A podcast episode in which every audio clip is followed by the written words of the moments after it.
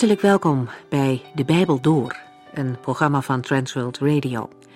De Bijbel Door is een radioserie die u in vijf jaar meeneemt door de hele Bijbel. Van Genesis 1 tot Openbaring 22.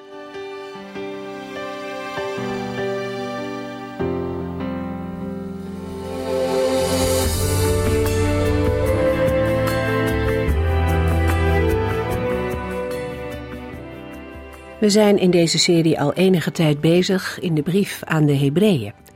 Mocht u afleveringen gemist hebben of meer informatie willen, kijkt u dan op onze website transworldradio.nl.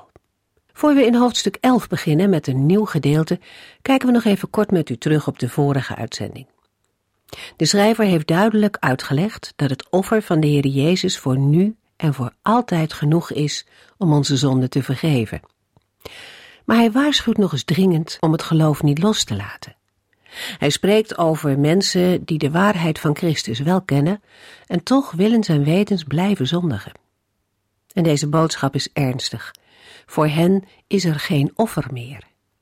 Wanneer iemand het offer van Christus verwerpt, dan blijft er alleen een verschrikkelijk oordeel over. De Bijbel wint hier geen doekjes om.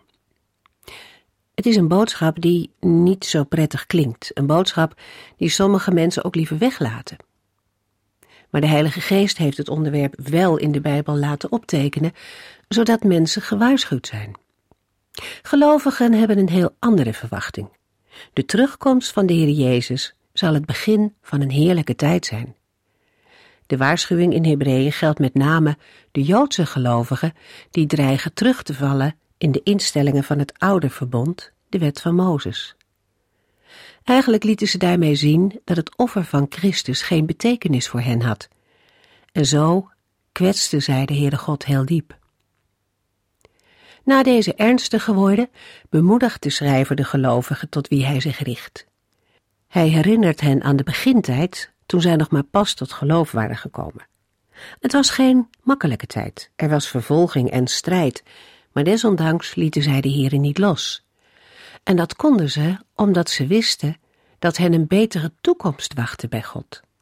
Behalve de gelovigen die zelf lijden ondergingen, worden hier ook de christenen genoemd die persoonlijk niet met het lijden te maken hadden, maar intens meeleefden met de vervolgde gelovigen.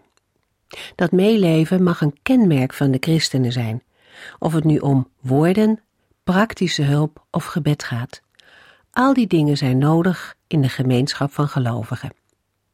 We lezen verder in Hebreeën hoofdstuk 11.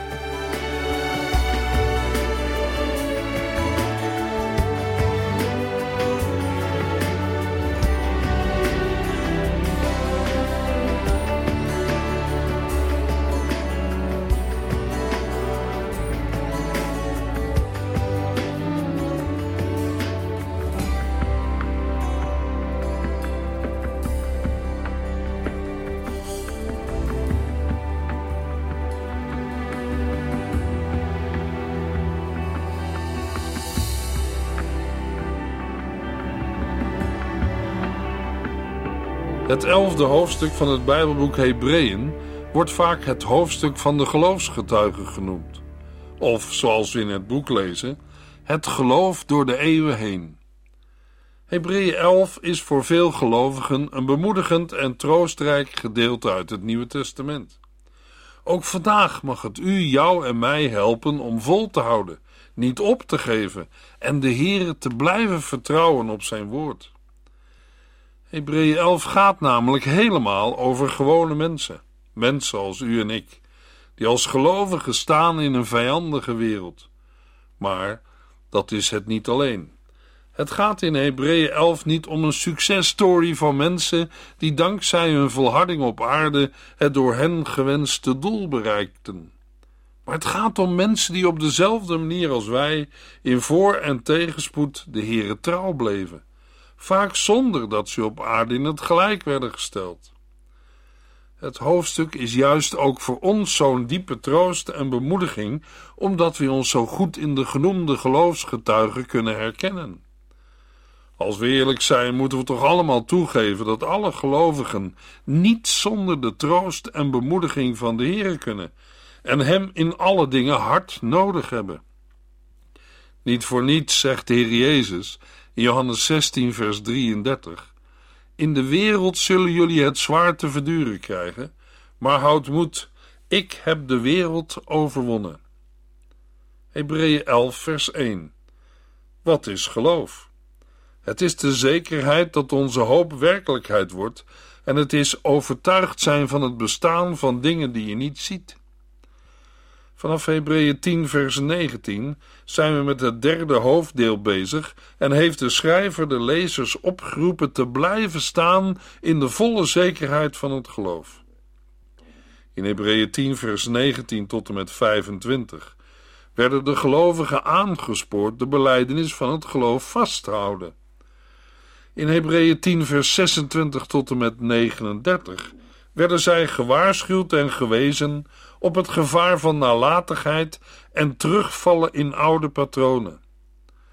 In aansluiting daarop roept de schrijver in hoofdstuk 11 het geloof van de vaderen in herinnering, met de bedoeling dat de lezers dit geloof zullen navolgen. De climax van de rij van geloofsgetuigen is Jezus Christus, de leidsman en voleinder van het geloof. We in Hebreeën 12, vers 1 en 2: Nu zo'n grote menigte van getuigen ons ziet en aanmoedigt, moeten wij alles afleggen wat ons hindert en ons bevrijden van de zonde die zich aan ons vastklemt. We moeten de wedstrijd voltooien die voor ons ligt, zonder op te geven. Daarbij moeten we blijven kijken naar Jezus, die ons de weg wijst. Hij is het doel van ons geloof hij kon zich aan het kruis laten slaan en de schande negeren, omdat hij wist welke blijdschap hem te wachten stond. En nu zit hij aan de rechterzijde van de troon van God. De schrijver van Hebreeën begint in vers 1 met het geven van een soort definitie van wat geloof is. Althans, waar het hem in dit Bijbelboek bij geloof om gaat. In de vorige hoofdstukken kwam geloof vooral naar voren als gehoorzame aan en volhardend vertrouwen op het woord van God. Dat woord van de Heere komt als een belofte tot ons. Binnen de in vers 1 gegeven definitie hebben vooral de woorden werkelijkheid, wezen, grondslag en overtuigd zijn, demonstratie, het leveren van het overtuigend bewijs tot veel verschillende vertalingen geleid. Zo is het geloof de grondslag, het fundament van de dingen die gehoopt worden en het overtuigend bewijs van de zaken die niet worden gezien. Met de dingen die gehoopt worden en straks werkelijkheid zullen worden, wordt de heerlijkheid bedoeld die de gelovigen bij de wederkomst van Jezus Christus zullen ontvangen, de vervulling van Gods beloften. De dingen die je niet ziet hebben betrekking op de hemelse werkelijkheid, die het menselijke oog nu eenmaal niet kan waarnemen.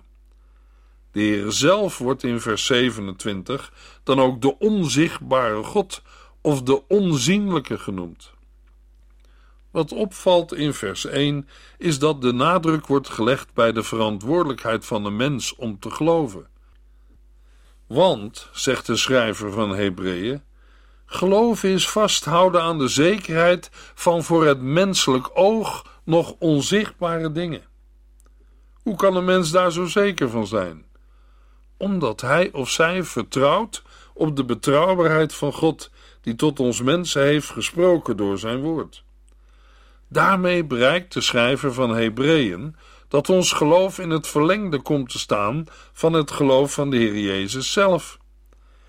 We zagen al dat de climax van Hebreeën 11, het hoofdstuk over de geloofsgetuigen, besluit met het geloof van de Heer Jezus. We lazen in Hebreeën 12, vers 2: Daarbij moeten wij blijven kijken naar Jezus, die ons de weg wijst.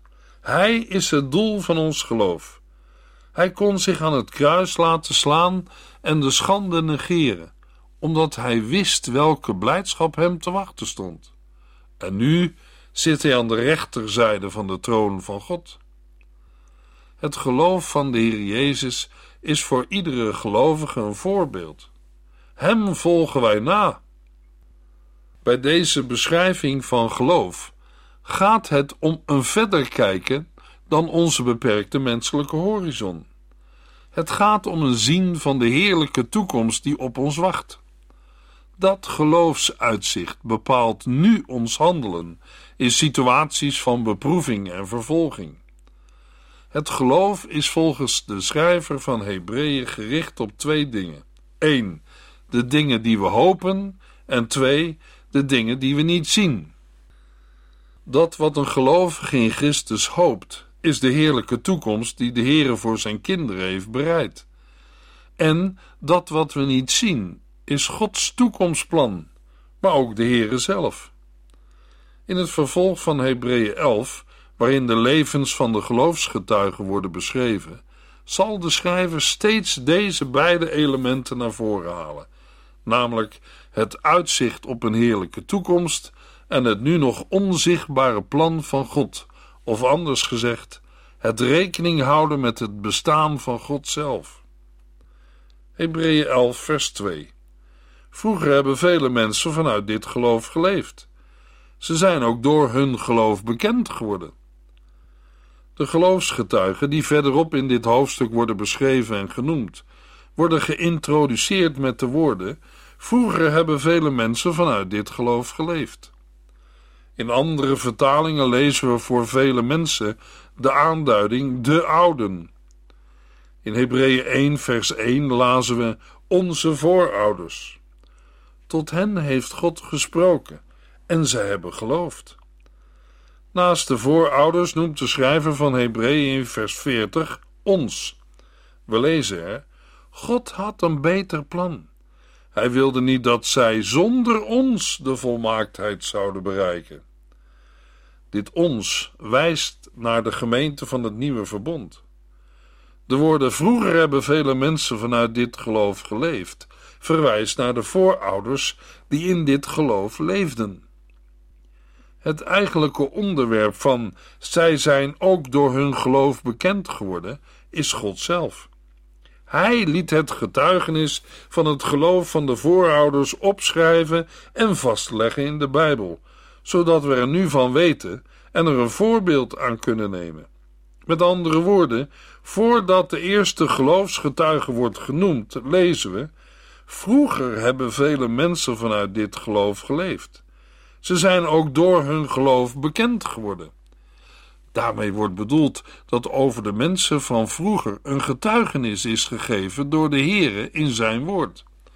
Want door de boeken van het Oude Testament weten we over de geloofsgetuigen. We kunnen hen in de eerste plaats geloofsgetuigen noemen, omdat God van hen en van hun geloof getuigd heeft in de Bijbel. Dan volgt in vers 3: Door het geloof weten wij dat het heelal door een woord van God gemaakt is dat het zichtbare uit het onzichtbare is voortgekomen. Inderdaad, door het geloof weten wij dat de wereld die wij voor ogen hebben uiteindelijk niet is ontstaan uit materiële oorzaken en dat de schepping die wij zien niet door toeval langs de weg van evolutie is ontstaan, maar dat daaraan Gods scheppende woord ten grondslag ligt. Dat geloven wij want er was geen mens bij die er getuige van is geweest. Wij geloven God op zijn woord. De Bijbel vertelt ons er iets over in het Bijbelboek Genesis. Maar toen de Heere het heelal schiep en de aarde tot een levende planeet maakte, was er geen mens bij. Immers, de mens was het laatste schepsel van God. Zo richt het geloof zich op het onzichtbare verleden. De Heer is de oorzaak van ons leven. En met betrekking tot de onzichtbare toekomst is de Heer het einddoel van ons leven. Ook al lijkt vers 3 een onderbreking in het betoog van de schrijver van Hebreeën, toch is het een noodzakelijk element. Voordat er mensen waren, schiep God het heelal. Dat is met de menselijke zintuigen niet te ontdekken of te zien, maar wij weten dat door het geloof.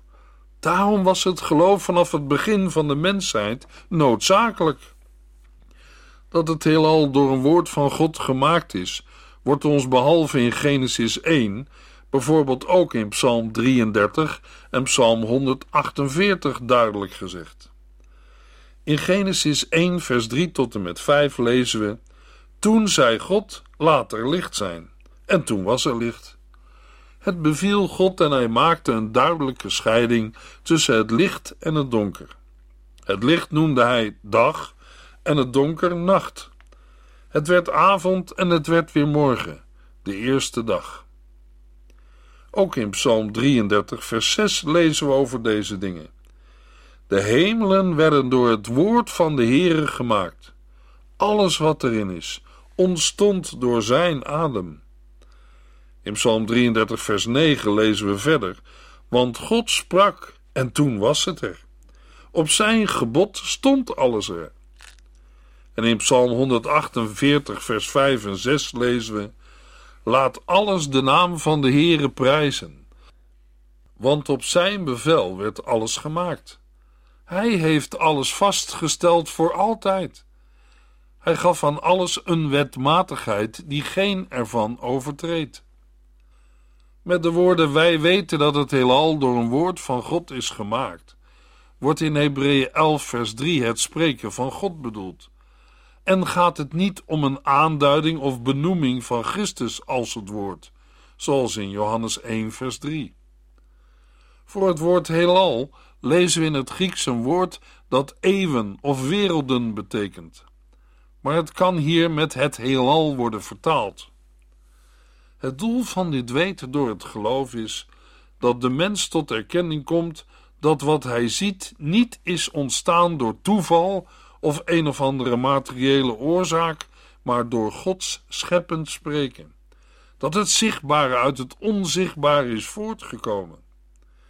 In Romeinen 1, vers 20 lezen we: God is wel onzichtbaar, maar uit alles wat hij geschapen heeft, blijken zijn eeuwige kracht en goddelijkheid. Want sinds het ontstaan van de wereld is zijn bestaan duidelijk te herkennen uit wat hij gemaakt heeft. Hebreeën 11, vers 3.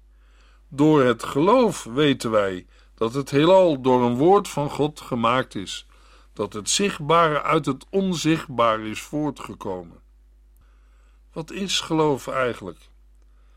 In het Grieks betekent het zelfstandig naamwoord voor geloof 1. Trouw of betrouwbaarheid en 2. Het vertrouwen of geloof. Bij de eerste betekenis gaat het om trouw of betrouwbaarheid, als deugd of eigenschap van iets of iemand, zoals in het Oude Testament de trouw van kinderen aan hun ouders of de betrouwbaarheid van een verbond. Deze betekenis sluit nauw aan bij het Hebreeuwse spraakgebruik. In het Nieuwe Testament treffen we deze betekenis onder meer aan in de opsomming van de christelijke deugden. Bijvoorbeeld in 1 Timotheus 6, vers 11, waar we lezen over: Span je in voor wat rechtvaardig is, voor wat mensen tot God brengt, voor het geloof, de liefde, de toewijding en de vriendelijkheid. In Matthäus 23, vers 23 zegt de Heer Jezus tegen de Bijbelgeleerden en Fariseeën dat het er voor hen slecht uitziet. Want ze geven wel 10% van wat ze hebben aan de tempel, maar, zegt de Heer Jezus, waar het op aankomt, goedheid, medelijden en trouw, daar houdt u zich niet mee bezig. Dezelfde dingen vinden we in Gelaten 5, vers 22, waar gesproken wordt over de vrucht van de Heilige Geest. Paulus schrijft in Gelaten 5: Maar de Heilige Geest brengt ons tot betere dingen: liefde, blijdschap, vrede, geduld, vriendelijkheid, mildheid, trouw, tederheid en zelfbeheersing. In Titus 2, vers 10 wordt aan slaven opgedragen dat zij in alles moeten laten zien dat zij betrouwbaar zijn. Het effect daarvan op anderen wordt er ook bij verteld. Dan zullen zij in alle opzichten het aanzien van de verkondiging van God, onze redder, verhogen. Hetzelfde woord geloof, trouw of betrouwbaarheid wordt gebruikt in 2 Thessalonicense 1 vers 4, waar we lezen Wij vertellen de andere gemeenten van God vol trots hoe geweldig u volhoudt en hoe sterk uw geloof is ondanks alle vervolgingen en moeilijkheden die u te verduren krijgt. We zien in deze woorden dat geloof naast volharding en volhouden wordt gebruikt en met elkaar verbonden zijn.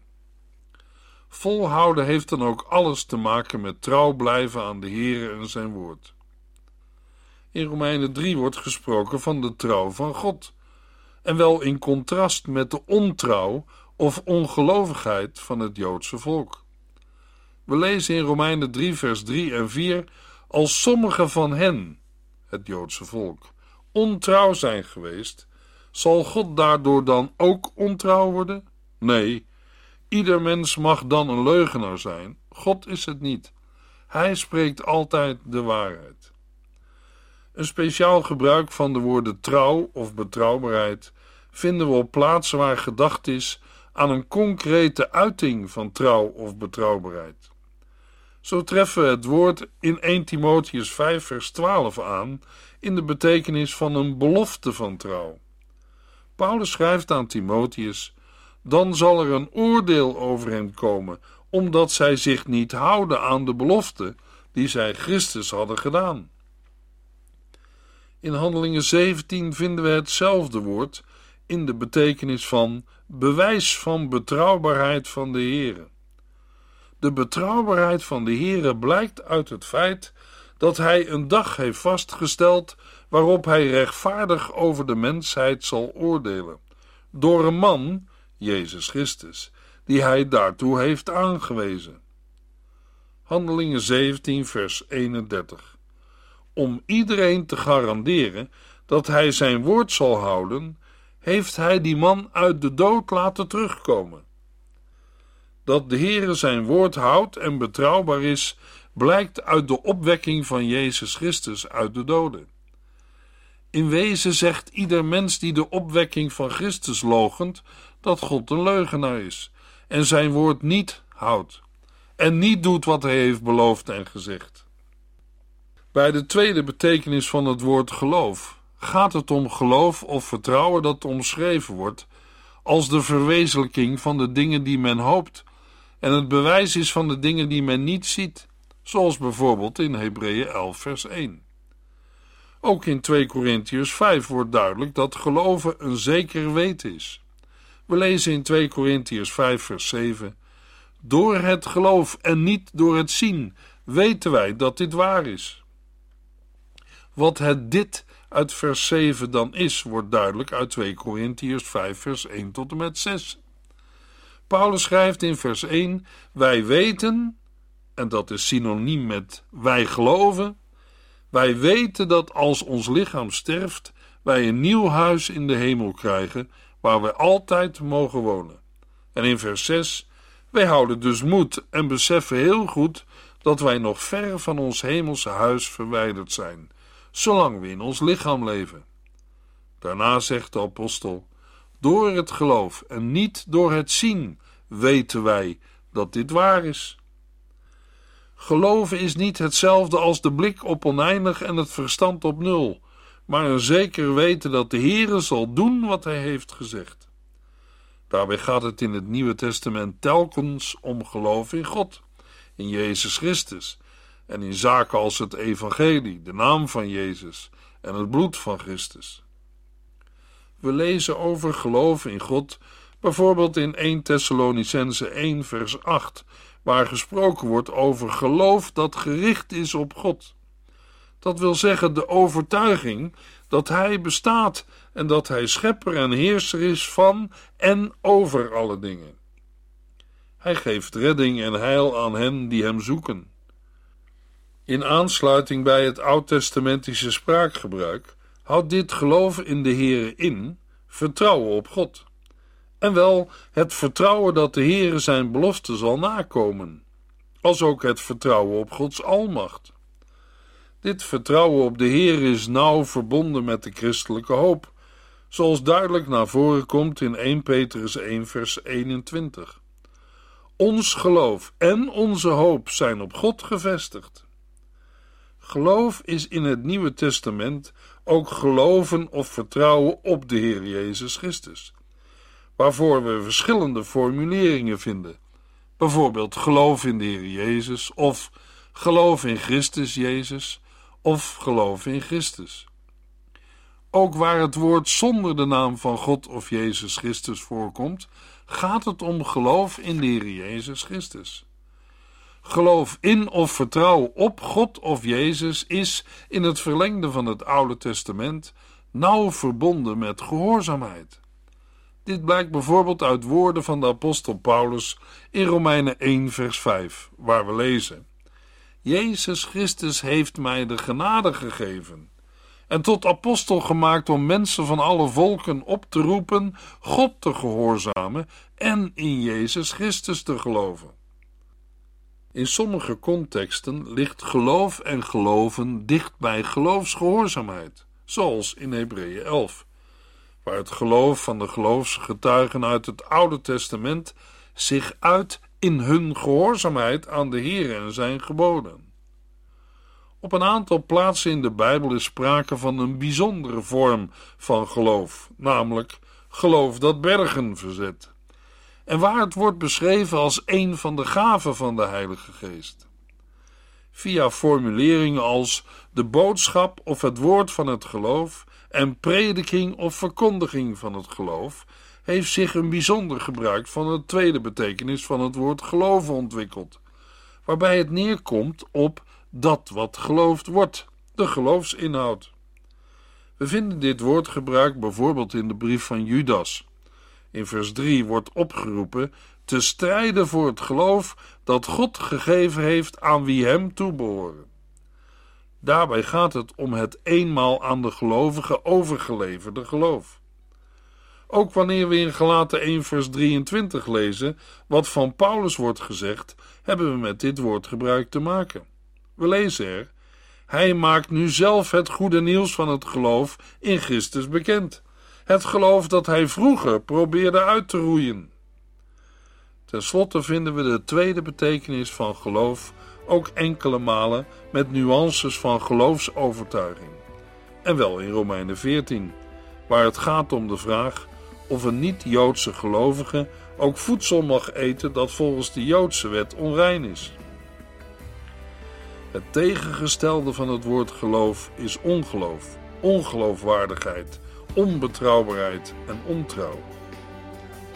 In de volgende uitzending lezen we verder in Hebreeën 11, vers 4 tot en met 6.